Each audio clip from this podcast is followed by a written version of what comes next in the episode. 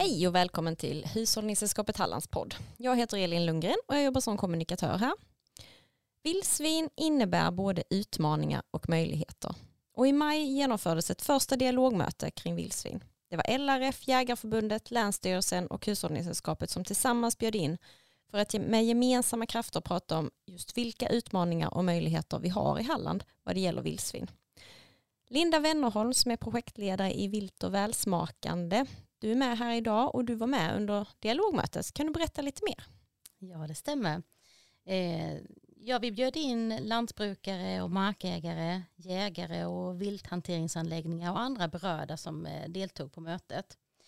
Och i de dialogerna som genomfördes så pratade vi om vad som behöver göras, vem som ska göra det, hur det ska göras och när det ska göras och så fördelades roller och ansvar. Så mötet kom fram till sex prioriteringar som är viktiga för att vi ska komma framåt med gemensamma krafter vad det gäller vildsvin. En av de viktigaste punkterna som nätverket gemensamt beslutade eh, det var om markägare och jägare som behöver föra en tät dialog. Ehm, och också att vi behöver styra upp jakten med bra jakträttsavtal och eh, jordbruksarrendeavtal. Så därför handlar detta poddavsnittet just om arrende. Ja, och för att prata om arrende så har vi idag med oss eh, Magnus Stolpe som är ordförande i Jägarförbundet i Halland och Jan Landström som är ansvarig tjänsteperson gällande jakt på LRF Halland. Varmt välkomna hit. Ni ska få börja med att presentera er. Jag heter Magnus Stolpe, är ordförande för Jägarförbundet Halland. Eh, även ordförande för den lokala kretsen i Kungsbacka jobbar också som kommunjägare slash skyddsjägare för Kungsbacka kommun. Mm. Och jag heter Janne Landström och jag är anställd i LRF-organisationen som ju annars består mest av valda. Och i den rollen så har jag bevakningsområde och följa viltfrågorna så som de berör våra medlemmar i jord och skogsbruk. Mm. Men arrendefrågan då, och i, i samarbetet kring arrendefrågan så har ni poängterat det viktiga är att upprätta olika avtal, jakträttsavtal och jordbruksarrendeavtal. Men vad är skillnaden i de här avtalen? Nu suger jag lite luft här, men jag börjar någonstans. Eh, om, om man ska hålla isär avtalstyperna. Alltså, eh, jag ser det som eh, att vi har egentligen tre intressenter som inte alltid är samma person. En jagar, en brukar marken och en äger den. Och de tre intressena behöver vi sortera och jordbruksarrendeavtalet det tar vi fram när det är en, en som brukar jordbruksmark och en annan som äger den. Det är så himla vanligt så det är inte klokt. Det är mer än hälften av den mark som brukas i Sverige brukas av någon annan än den som äger den. Men, ja, så det är väldigt vanligt förut. Där har vi jordbruksarrendeavtalet. Och jakträttsavtalet är avtalet mellan en markägare och en som jagar. Eh, och eh, även om de, ja, då har vi aldrig något avtal mellan en jordbruksarrendator och en jakträttsinnehavare om de nu är olika människor. Men de är ändå så intimt mm. förknippade. Så de där tre i ett gäng tycker jag är något man behöver tänka på i avtalssammanhang. Och att de är tre kanske kan, om man tänker till så kan det i sig motivera att man behöver vara tydligare än om två ska komma överens om något. Mm. Så är det. Och sen, sen är det väl också så att om man inte har skrivit avtal om man har ett jordbruksarrende så ingår väl jakten per automatik i jordbruksarrendet om man inte skriver något annat. Det är riktigt att då följer det med och eh, är man inte vaken så följer den med på arrendestället så då skulle den följa med på en fastighets åkermark men inte dess skog. Exakt. Så att det är viktigt och ja, vi kan väl, det här luddiga svaret kanske kan bli ett eh, bra skäl att lyssna vidare då och se så vi får chansen att klara ut det här. För det, är, finns, det finns möjligheter att göra rätt. Ja. Och ytterst att egentligen få eh, ja, mindre bekymmer eller större glädje av vilt, om man nu ska se på det. Mm. Om man gör rätt. Och då är de här tråkiga papperslapparna en, ett verktyg. Ett viktigt verktyg. Mm. Vad är det som kan gå fel?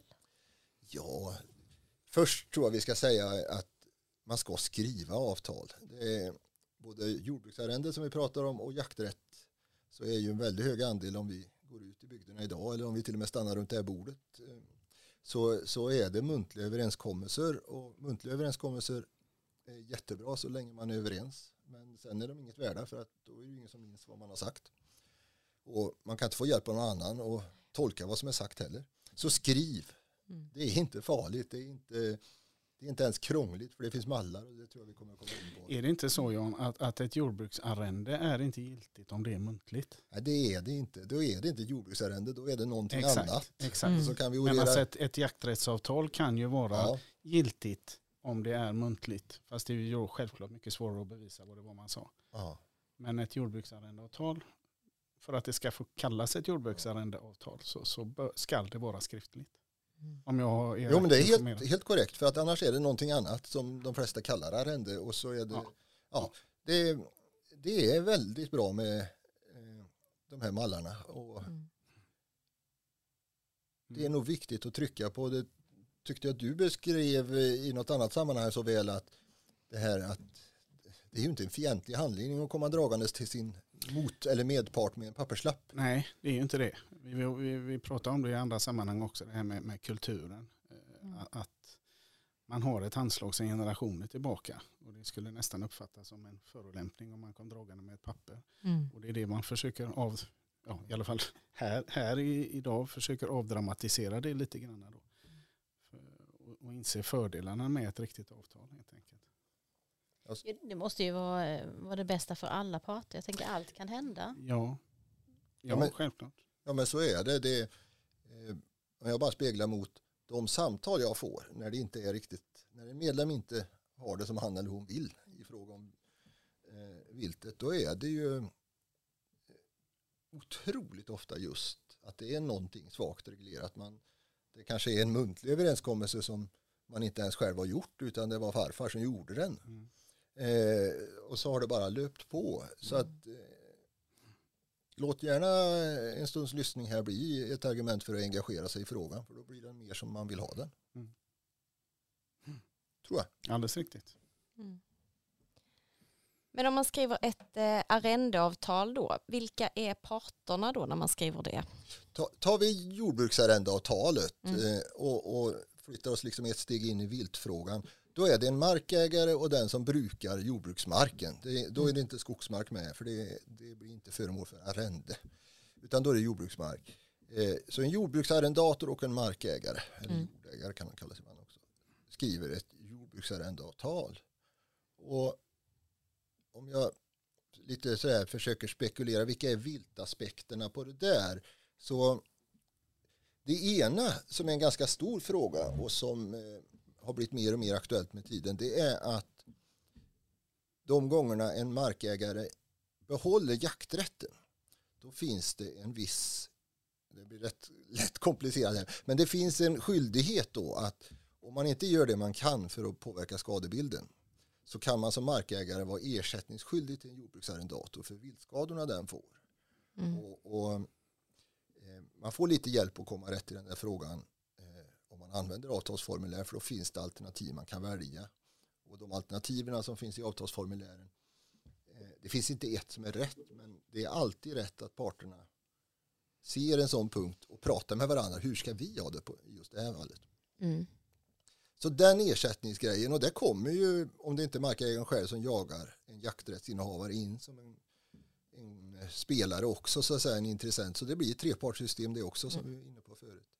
För det är inte den som arrenderar marken, det ingår liksom inte jakt, det kan, inte, det, kan det ingå jakten i det avtalet också eller hur? Ja, har parterna inte sagt något så är det ju till och med så att jag förbiser utgångsläget att om man Ja. inte skrivit något i, i ett jordbruksarrendeavtal då ingår all jakt på det stället. Det var det vi sa förut. Ja. Okej, Skriver, om man inte skriver någonting annat så in- ingår jakten i ett jordbruksarrendeavtal. det ingår automatiskt. Men Liksom. min bild är Mm. att den automatiken är i minoritet. Det är regelmässigt så att man skriver bort jakten.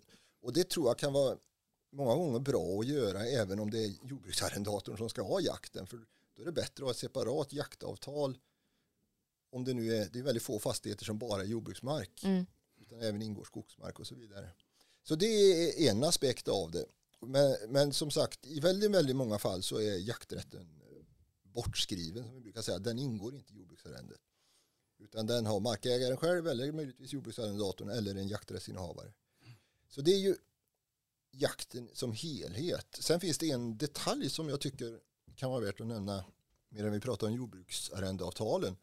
Och det är ju rätten till skyddsjakt. För det kan man också under övriga villkor att eh, även om jordbruksarrendatorn inte har jakten så kan man eh, skriva in att skyddsjakt och kanske skyddsjakt på vissa, ja, vissa viltarter.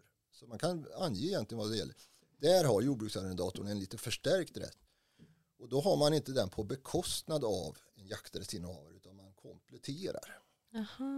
Eh, sen kommer det fordra lite kommunikation och ofta de jordbruksarrendatorer brukar jag säga när, när jag inte har några jägarförbundare i rummet så brukar jag säga att den är jättelistig för en sån punkt får fart på jägarna.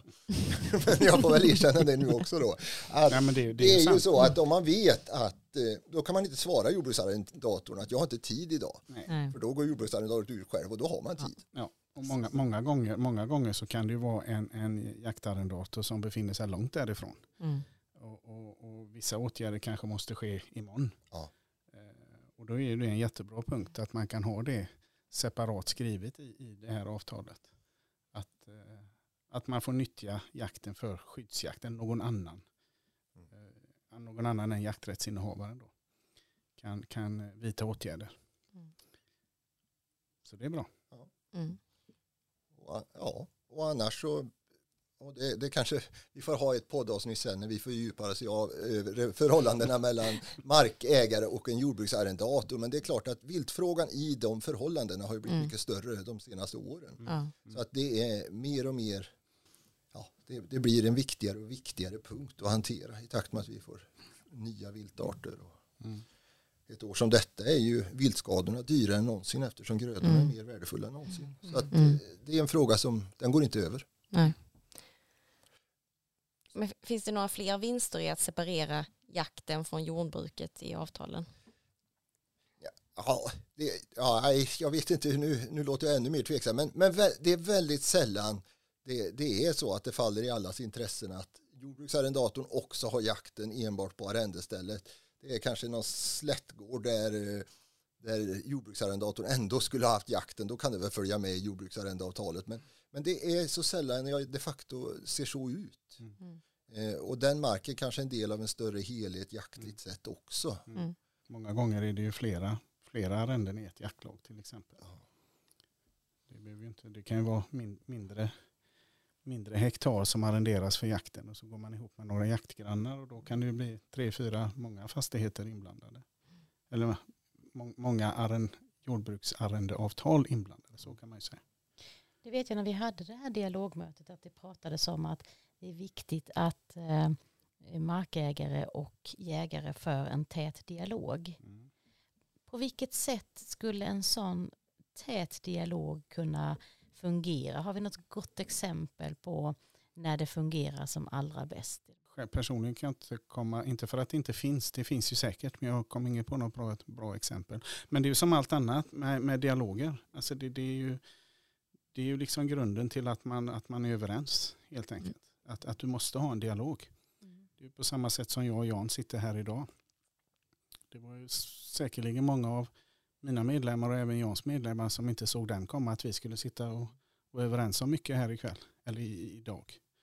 Eh, så det, det, det är ju som allt annat att inled med en dialog mm. så kan det ju bara, det kan ju inte bli sämre i alla fall förhoppningsvis. För då är man ju fel, då är det något annat som är fel. Mm det leder framåt. Det leder ju framåt. Det, så enkelt är det. Mm. Hittills i alla fall så har vi ingen viltart som är kompatibel och samkörd med Lantmäteriets fastighetsregister. Nej. Eh, utan, Nej. Eh, och, och då, då ja, det, det, är just det. Är Precis. det Precis. ett veteax eller en mm. granstock ja. eller precis i den stunden du skjuter det möjligtvis så finns det på en fastighet men ja. hela tiden däremellan så utmanar ju viltet allt det här mm. sättet vi har att tänka. Mm. Och ansvarsfördelningar. Mm. Det är det vi försöker lära våra jakthundar, att de ska veta gränserna, men det går sådär. Ja. Kan Eller inte alls. Eller inte alls. Ja, jag vet inte, men det, jag tror att det var några av jordbruksarrendevinklarna som sagt. Mm. Det, det, tar ju inte slut någon av de här frågorna, men eh, om det lät råddigt så är det inte det om man sitter med ett standard, eh, ett, liksom ett en avtalsmall i handen så ger det sig givet.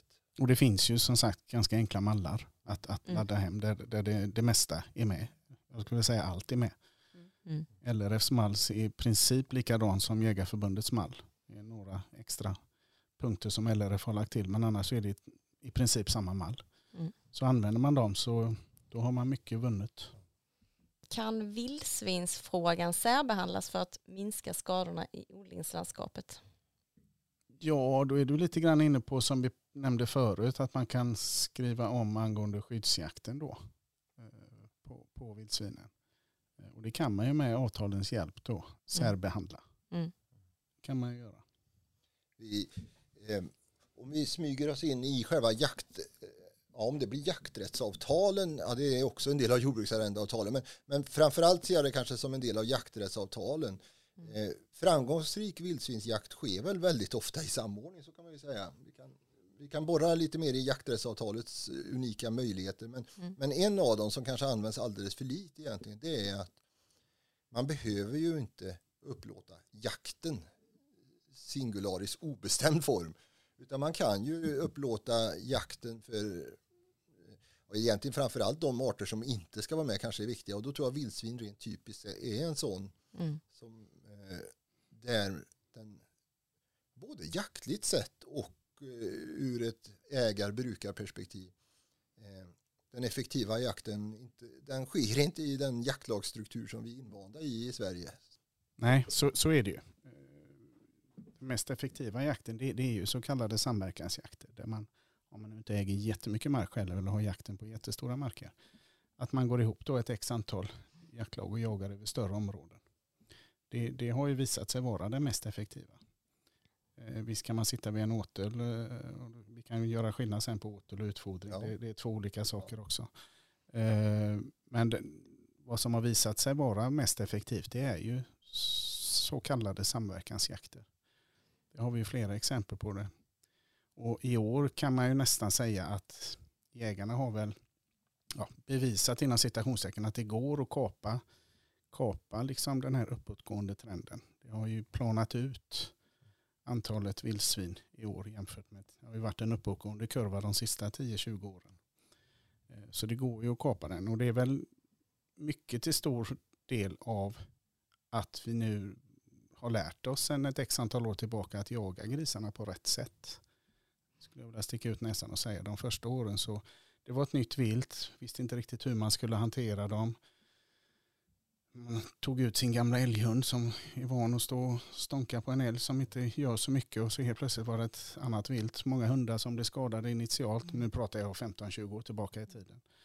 Eh, och det tar några år innan man har lärt sig vad, vad är det här för djur. Sen blir man aldrig riktigt klok på dem ändå. Men eh, effektiviteten har ju ökat när det gäller eh, jakterna. Och det där är ju, ja, man, eh, samjakt får du inte ihop om folk inte är överens. Men, men, eh, så det är ju så, och jaktlagen tror jag kommer att bestå som stomme och man kan använda avtalen. Det är ju inte bara upp till avtalen, men att även där markera som markägare att man tycker det är viktigt att min mark som upplåts upplåst till det jaktlaget är en del i. När det gäller vildsvin, det går ju att använda som ja, uppmuntran då, att man uppmuntrar det eller säger att om ni inte är med så ingår inte vildsvinsjakten, då är den en separat grej för mig, för det är så viktigt att den blir skött effektivt. Så kan Mm. det ju ofta vara. Så eh, om det är piska eller morot man vä- väljer att använda, det kan väl situationen få avgöra, men avtalet kan vara en bricka där också. Mm. Och där står det ju klart och tydligt i avtalen också. Precis det Jan säger. ja, Vad man kan välja att ta med och inte ta Mm. med. Jag vet ja, Jag vet inte om eh, jag förstod dig rätt tidigare, men du sa att en markägare kan bli ersättningsskyldig om eh, arrendatorns odling blir fördärvad av vildsvin. Fattar jag det rätt? ja. Ja. Om det då är så att man har separerat jakträtten och eh, jordbruksarrendeavtalet och den jägaren som har jaktarrendet inte skjuter vildsvin utan det blir skador i odlingslandskapet, vad händer då? Väldigt bra fråga så pekar du på intresset för markägaren att skriva avtal. För ansvaret visar vi jordbruksarrendatorn är det fortfarande markägaren som har. Och jag vet inte, vi kanske har egentligen om vi ja, om vi vill säga jordbruksarrendeavtalet och jakträttsavtalet så vi har några grejer kring jakträttsavtalet som jag gärna vill peka på.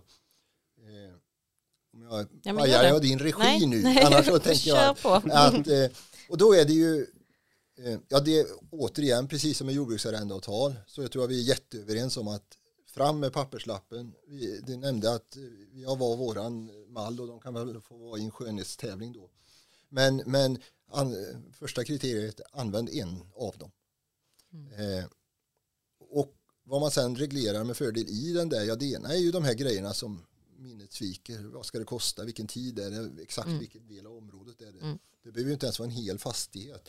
Men då finns det, tror jag det jag vill slå ett slag för så tror jag att nio tiondelar är vi överens och den tionde tiondelen då tror jag att vi möjligtvis kan eh, få gå, upp och, gå ut och göra upp efteråt. Men, men eh, vi tar de grejerna vi är överens om för det är de viktigaste.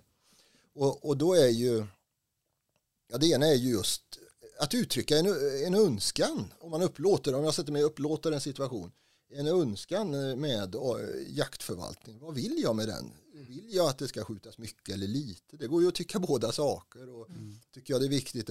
Så att det där behöver man också uttala sig om. För det, och i min aspekt så är det jätteviktigt. För det blir ju då en det är ju en förväntan, både en rätt och en skyldighet att man som markägare har en idé om den delen av förvaltningen av ens fastighet, precis som man har om jord och skog. Och framförallt var det, hur man än vänder och vrider, det var ju så vi började den här diskussionen en gång i tiden, hur man än vänder och vrider så är det ju markägarens ansvar.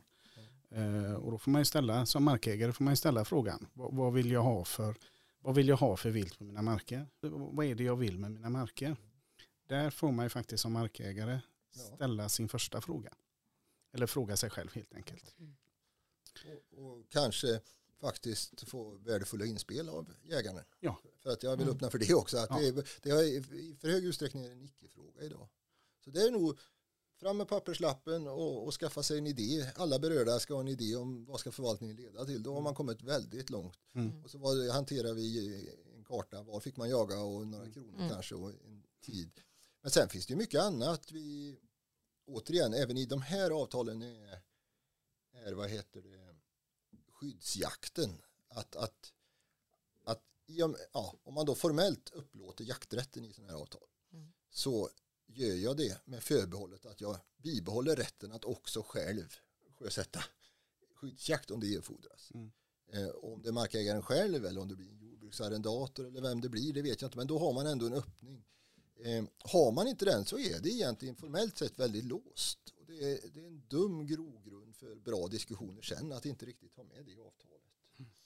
Sen från vårt håll, om jag har en idé som markägare om utfodring, eh, ska man utfodra eller inte och sådär. Och det har jag många medlemmar som har. Åt flera håll ska jag säga, så det är inte alltid bara att man eh, vill det ena. Men, men eh, då kan man ut, uttrycka det också. Konkret, LRF som organisation vill, och jag tycker vi har väl bra skäl för det, att det ska lagregleras hur man får utfodra. Det är inte så lagreglerat idag och jag vet att vi inte är så överens. Men ja, i väntan på lagstiftarna eller göra sig oberoende av lagstiftarna i en diskussion mellan mig som markägare och min jägare så kan man ju skriva det i avtalet och då kan lagstiftarna egentligen tycka vad de vill. Mm. Så att eh, det är ett sätt att få ändå ett Mm. inflytande och det är flera. Och sen vi var inne på viltarter eh, Mm. eh, och, och ja, vad har jag glömt då? Jag har nog glömt några saker. Ja, jag, jag vill peka in lite grann på nu när, ändå, när du ändå lyfter frågan om, om utfodring. Jag, jag är alltid väldigt tydlig med att skilja på utfodring och vad jag kallar åtling. Ja. Eh, Det är en skillnad. Allmän, I allmänhetens ögon så tycker folk ibland att vi matar grisarna. Om vi nu tar, om vi går in längre inåt städerna. Men ni sitter ju och matar dem, det är inte konstigt om de är här. Men det är alltså skillnad på utfodring och åtling. Åtling är ju man slänger ut som jag säger lite godis för att locka till sig dem. Utfodring är en helt annan sak. Sen kan det vara ett medel i och för sig. Vi har flera goda exempel på hur man har, men då, då kräver ju att markerna är lite större. Att man har utfodrat på ett ställe kanske lite mer. Och där eh, jagar man inte. Utan det, det, det ska vara lugn och ro där.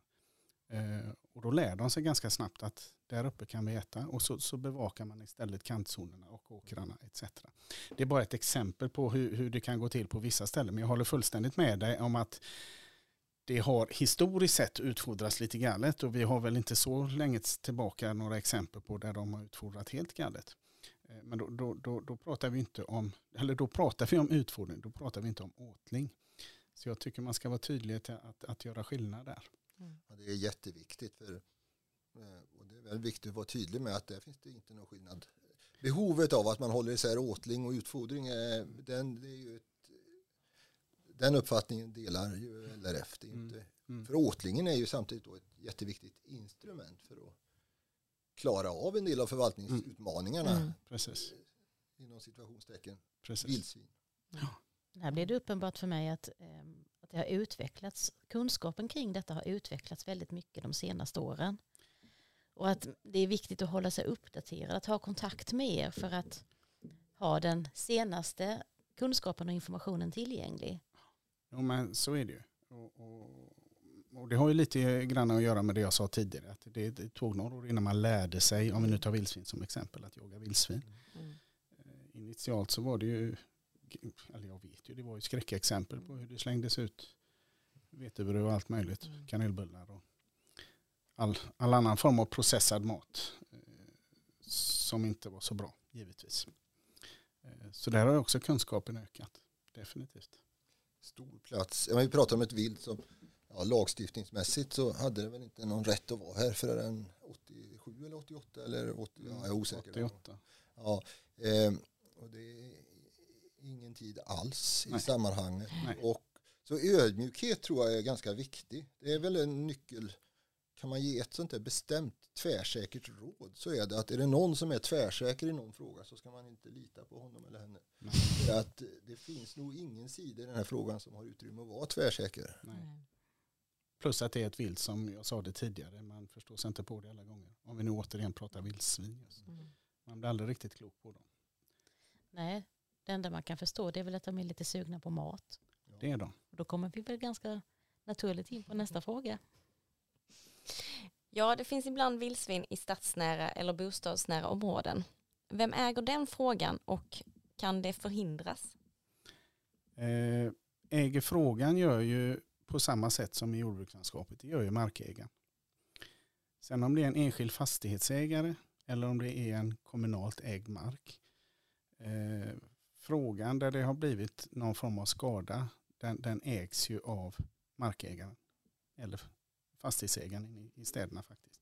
Jag fick ofta, ofta den, jag jobbar ju som sagt som kommunägare i Kungsbacka och för några år sedan så var det väldigt hysteri vill jag nog kalla det. Eh, det var på tok för mycket grisar. De hade gått ner på fel ställen in i områden där absolut inte man vare sig kunde jaga dem eller göra någonting annat. Ner i villakvarter och så vidare. Man är en bra biotop eh, att, att, vara, eh, att vara i. Eh, och de lärde sig ganska snabbt att här, här, kan vi vara rätt så ostörda. För folk var ju, ja de var livrädda för dem helt enkelt det gick så långt så att folk var beredda på att sälja sina hus och sälja sina små hästgårdar de hade skaffat sig ute på landet. För att det var, det var ett nytt vilt, det var skrämmande, det var otäckt. Och man får ha full respekt för den rädslan och den, den otäcka, eller den så som de kände. Eh, men då hamnade jag ofta i diskussioner med en enskild fastighetsägare att någon måste göra något. Och men någon, det kan de inte svara på men det var, men någon måste göra något. Och då kommer vi till det att till syvende och sist så har du själv ansvar för din egen tomt. Mm. Du är ansvarig för att göra förebyggande åtgärder. Eh, till exempel elstängsel etc. Så det är ju inte någons fel. Det är ju ingen som äger de vilda djuren. Eller så äger vi dem alla beroende på hur man ser det. Eh, men det är ju till syvende och sist du som markägare som, som har ansvaret. Eh, och på de kommunala markerna inne i industriområden etc. så är det ju faktiskt en kommunal fråga. Det hamnar på kommunens miljö och hälsokontor. Eh, sen har ju de olika kommunerna har olika sätt att jobba. Om vi nu tar Halland som ett exempel. Kungsbacka har blivit ganska, om man tar det som ett exempel, de har blivit ganska duktiga på, på det här nu efter några år mitt i, i stridens hetta med grisarna så har de eh, med vår hjälp också kunnat få till bra avtal och, och så vidare. Alla kommuner jobbar inte riktigt på samma sätt. Vi har några mindre bra exempel i Halland och vi har några bra exempel. just nu så håller vi på med Jägarförbundet Halland ihop med Länsstyrelsen i Halland håller på försöker genomlysa just de här problemen med vad vi kallar urban viltförvaltning. Hur man ska hantera, vem, vem, vem gör vad och, och vem ska ta stafettpinnen i vilket läge etc. etc. Mm. Så som svar på din fråga, markägaren. Mm. Eh, ja, jag vet att jag kan läsa om vildsvinen i Berlin och kanske mm. vet inte hur det är i Stockholm. Att de, då är de väl ett separat problem, eller ja problem är de ju också. Men om vi, om vi tar som exempel från västra Kungsbacka då är det ju inte vildsvinen är inte ett problem i jordbruket och ett annat i den bebodda utan det är ju samma problem mm. och vi märker ju även då i mina led så att säga när jag har mina medlemmar, de som brukar jordbruksmarken att eh, när det blir lösning och en bättre situation eh, inne bland hus och villor och annat så är det ju också så att eh, det har också blivit en bättre situation. Mm. Mm. Så det, det, är ju, och det är väl till och med så att där de finns tätortsnära så kan man inte lösa det på ena sidan utan båda eh, man behöver nog ha en lösning. Alla behöver vara inblandade i en lösning för annars jagar man mycket. Ja, då springer de in och ja, sig mm. och vice versa. Mm. Ja men så är det ju. Så är det ju givetvis. Men då är vi med det här med alltså, exemplet i Kungsbacka byggde ju mycket på eh, samverkansjakter som vi pratade om förut. Många jaktlag går ihop, har en tre, fyra jakter på ett år med goda numerära eh, resultat. Eh, och det är ju inget dumt djur vi pratar om om vi nu håller oss till, till vildsvinen. Så, så eh, lärde de sig ganska snabbt mm. att det är dumt eh, att bete sig på det viset som de gjorde. Sen hade ju jag som kommunjägare, det var ju väldigt, väldigt sällan som man sköt någonting nere i en trädgård. Det har förekommit om, om, om förutsättningarna har kunnat göra så att man kunde göra så. Men eh, vad vi gjorde där uppe det var ju att vi, vi, vi hade vad vi kallade våra små promenader, det vill säga jag med de tillstånden som, som jag har kunde gå beväpnad nere bland trädgårdarna och eh, sen hade jag med mig några kamrater som gick med hundar bandade. Eh, gick med dem i koppel alltså och så störde vi dem en till två dagar innan vi skulle ha en jakt längre upp i skogarna. Då. Och det visade sig vara ganska effektivt. Det blev, det blev eh, i sammanhanget bra resultat numerärt mm. på, på själva jakterna och vi fick iväg dem från trädgårdarna. De, de, är, de är ganska störningskänsliga grisarna. Till skillnad mot gässen exempelvis. Det, det är ett helt annat problem. Vi pratar mycket vildsvinsproblem. Men jag vill sticka ut näsan och påstå att i alla fall i de norra delarna av Halland så, så är ju, jag säger inte att grisen inte är ett problem. Givetvis med, med, med fastighetsägare och, eh, och trafikolyckor etc. så är det ett problem. Eller har varit, nu är det mindre. Men för bönderna och för dina medlemmar så är ju gässen, det skulle jag vilja sticka ut näsan och säga det stora problemet. Mm. I Kungsbacka så tyder telefonsamtalen från medlemmarna definitivt på det. Ja. Sen går det att variera över tid också. Det mm. gör det ju självklart. Det gör det ju självklart. Eh, men gässen kan ju, vad är det de säger, en gris, sticka ut näsan igen här, kan, kan käka upp ungefär fyra kilo på en natt i spannmål. Medan en, en gås kan trampa och äta upp ungefär 3-3,5 kilo. Nästan lika mycket som en gris. Men kommer det in en grisflock på 10 grisar så kanske du skjuter någon där. Och med den störningskänsligheten de har och med den smartnessen som grisen ändå har konstaterar ju suggan ganska snabbt att här är det farligt att vara. Så då är de inte där på ett tag.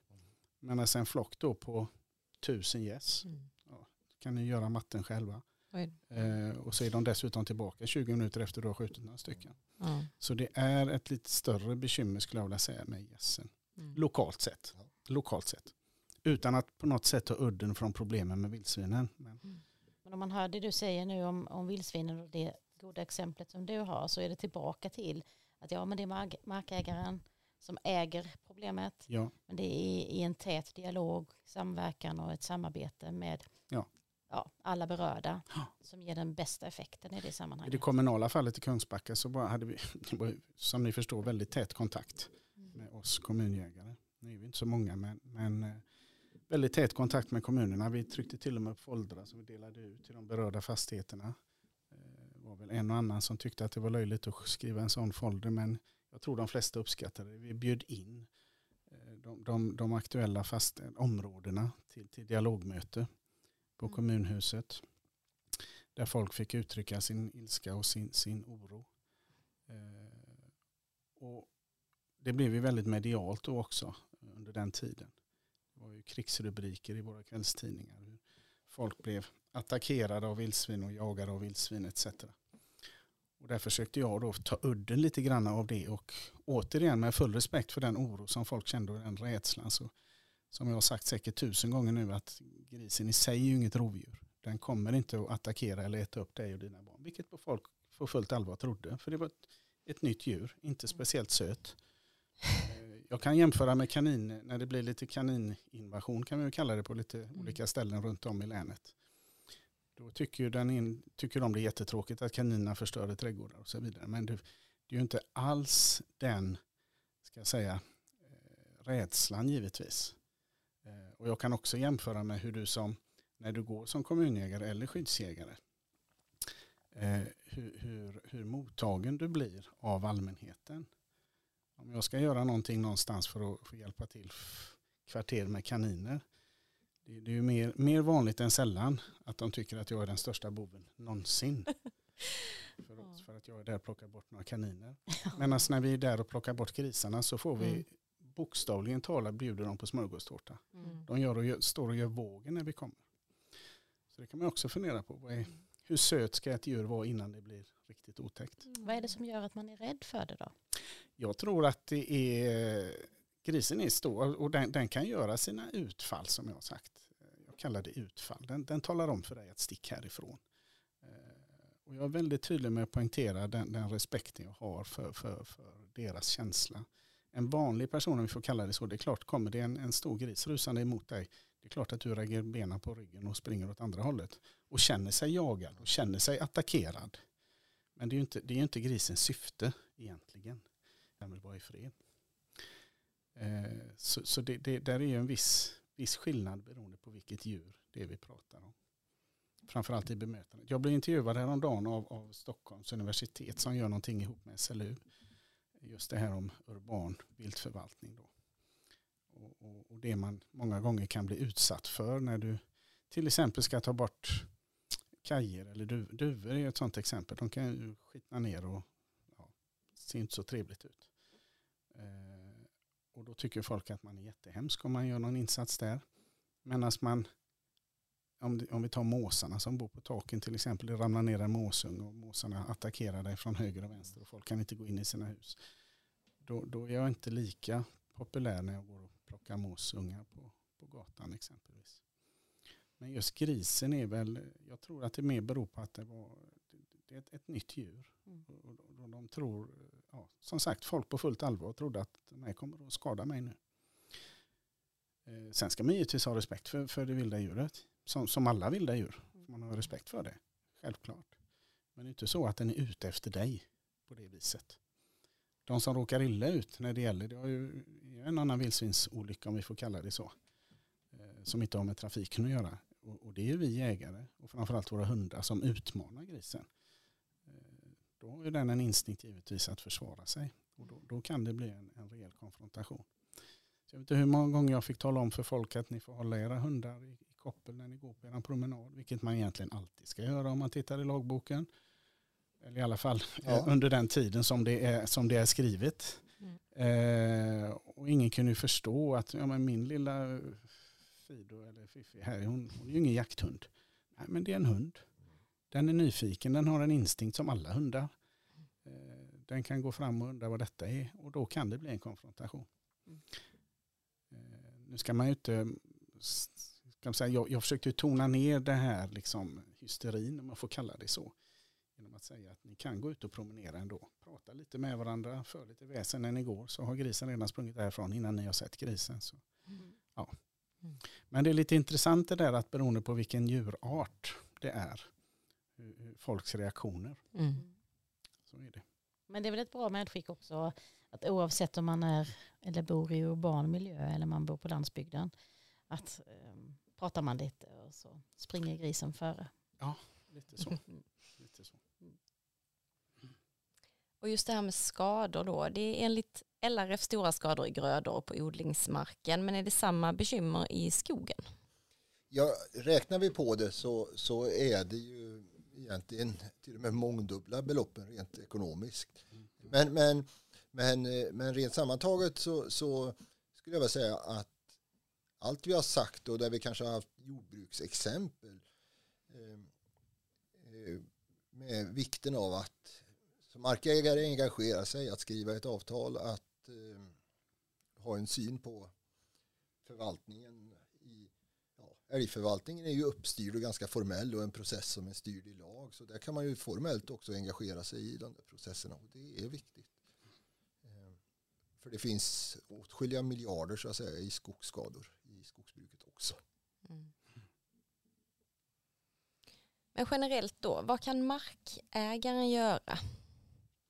Om jag tar vid där så då tror jag det första blir att engagera sig. För det är klart när vi jobbar med frågan så eh, jo men ett, engagera sig i frågan.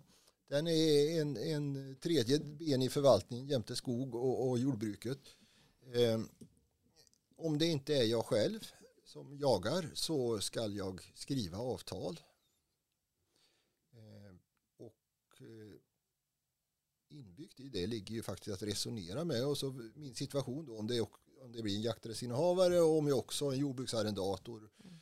Men verkligen att engagera och kanske alla tre parter i sig om det inte är samma människor mm. ska vara eh, bra avtal i grunden och så kommer de avtalen kommer inte komma till stånd. Det är väl en av de stora vinsterna med sådana här mallar tycker jag. Mm. Det är att mallen tvingar dig att ha en diskussion som du kanske inte annars hade kommit på att du skulle ha. Mm. Ja, vad var det? Engagemang och avtal och eh, ja, men det räcker jättelångt faktiskt. Mm. Och med, med engagemanget så, så följer ju vad, vad, kan man för övrigt göra mm. Genom att förebygga. Men det, det kommer ju med engagemanget. Ja. För om man sätter sig in i frågan som Jan säger, att, att vad vill jag med min mark? Mm. Eh, och, och, en jägare kanske inte kan vara ute 24-7 hela tiden, oberoende om du har skrivit bort skyddsjakten eller vad det Vad kan du göra för att förebygga? Mm. Det finns ju också ett x antal tips vad man kan göra. Det har både LRF bra exempel på, och finns på SLUs också hemsidor bra exempel på hur du kan förebygga eh, till största möjliga mån skulle jag vilja säga. Ja, och, och, då kommer väl nästan som ett, en förlängning av det, lite beroende på situation och det kommer inte så samma ut på två ställen tror jag, men eh, vi pratade tidigare om vill jag reglera skyddsjakt, mm. reglera att jakten kanske avser vissa arter och den andra delen av jakten organiserar på ett annat sätt och sådär. Det blir ju, det kommer man ju aldrig att komma fram till någon uppfattning om om man inte först har engagemanget så att säga. Så att det, de mm. kommer väl i den ordningen. Men då tycker jag man ska känna sig eh, ändå ja, men tycka att det här är en möjlighet. För det är ändå en möjlighet. Ytterst för mig handlar ju alltihop om att med det där engagemanget så får man en möjlighet att göra viltfrågan lite mer som man vill ha den. Mm. Det blir färre delar av viltfrågan som man går runt och är missnöjd med. Mm. Mm. mm. mm. Sen om man vill ha upp eller ner eller dit eller hit, det är nästa steg så att säga. Och då kan jag bli väldigt LRF, men det tycker jag inte är nu. Nej men allvar, det är lite så. Ja men det är sant. Engagemang och ta fram den lilla lappen med ett avtal. Så har man väldigt mycket vunnet. Och då gör markägaren det tillsammans med om man då har en lantbrukare som arrenderar marken och en jägare då som och det blir ju två olika ja. avtal men ja, då måste precis. de ju vara en harmoni också för då får ju inte ja. skyddsjakten vara lovad åt ena hållet på det ena och Nej, åt andra så hållet på det andra så att eh, det blir på något vis väldigt mycket undrar om det var det första jag sa att prata om ett trepartsförhållande så ja, tror jag att precis. jag landar ja. i en avslutningsfas så tror jag det är där jag hamnar också det är nog så man bör se att frågan mm. faktiskt är mm. mm. Precis. Mm. Har vi några slutliga tips till våra lyssnare? Det är väl lite grann det som vi redan har nämnt. Ja. Avtal, jag. Plocka skriva. fram lilla lappen. ja, precis. Titta dig i spegeln, vad vill du med din mark? Ja. Vad vill jag göra med detta? Mm. Hur vill jag ha det? Eh, ja, engagemang helt enkelt, i ett ord. Eh, och det lilla avtalet. Mm. Då, då, då har man kommit långt. Och, och, och, det blir lite på överkurs men Eh, och är det älgen som är i fråga då, då finns det ett förvaltningssystem med, med älg. Ofta är det indelat i älgskötselområden. Det är Mm. ett maktcentrum som är ganska lokalt som heter älgförvaltningsområden och så finns det en länsstyrelse som fattar beslut. Kronviltet är ganska lika uppbyggt. Mm. De flesta andra viltarter eller kanske alla eh, så är det en mer lokal affär. Eh, Mm. Att eh, det är uppbyggt kring att man har en allmän jakttid och så blir det som återstår så att säga för att ha en aktiv förvaltning. Det blir det vi sa, Mm. engagemang. Mm. Mm. Och sen finns det ju som sagt, men det- vi ska inte gå in på det nu, men det finns ju som jag sa både hos LRF och på SLU, där finns det ju om man vill förebygga ännu mer. Mm. Eh, Som markägare då, vad kan jag göra? Förutom jakten finns det något mer jag kan göra? Eh, Ja, då finns det ju ett x antal exempel på hur man kan så mycket som möjligt motverka skadorna. Kanske också prata med sina grannar som har andra Ja, arrenden eller andra mark, marker. så kan det vara. eh, Om möjligt kan ha någon samsyn. Absolut. Jag tror det underlättar. Mm. Mm. Har ni någonting mer ni vill tillägga? Det, det blir i så fall ett avsnitt två om ni släpper lös på För då kommer vi på nästa nivå tror jag. För det är ju så att det tar inte slut. Och, och det blir, kanske blir en uppmaning eller något. Men, men eh, om, om man har lyssnat på oss här så, så kanske man är, i bästa fall är lite laddad.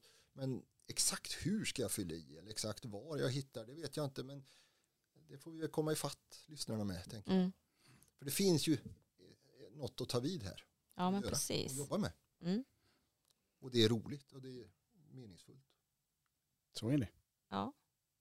Men då säger vi tack till Magnus Stolpe och Jan Landström för att ni vill vara med.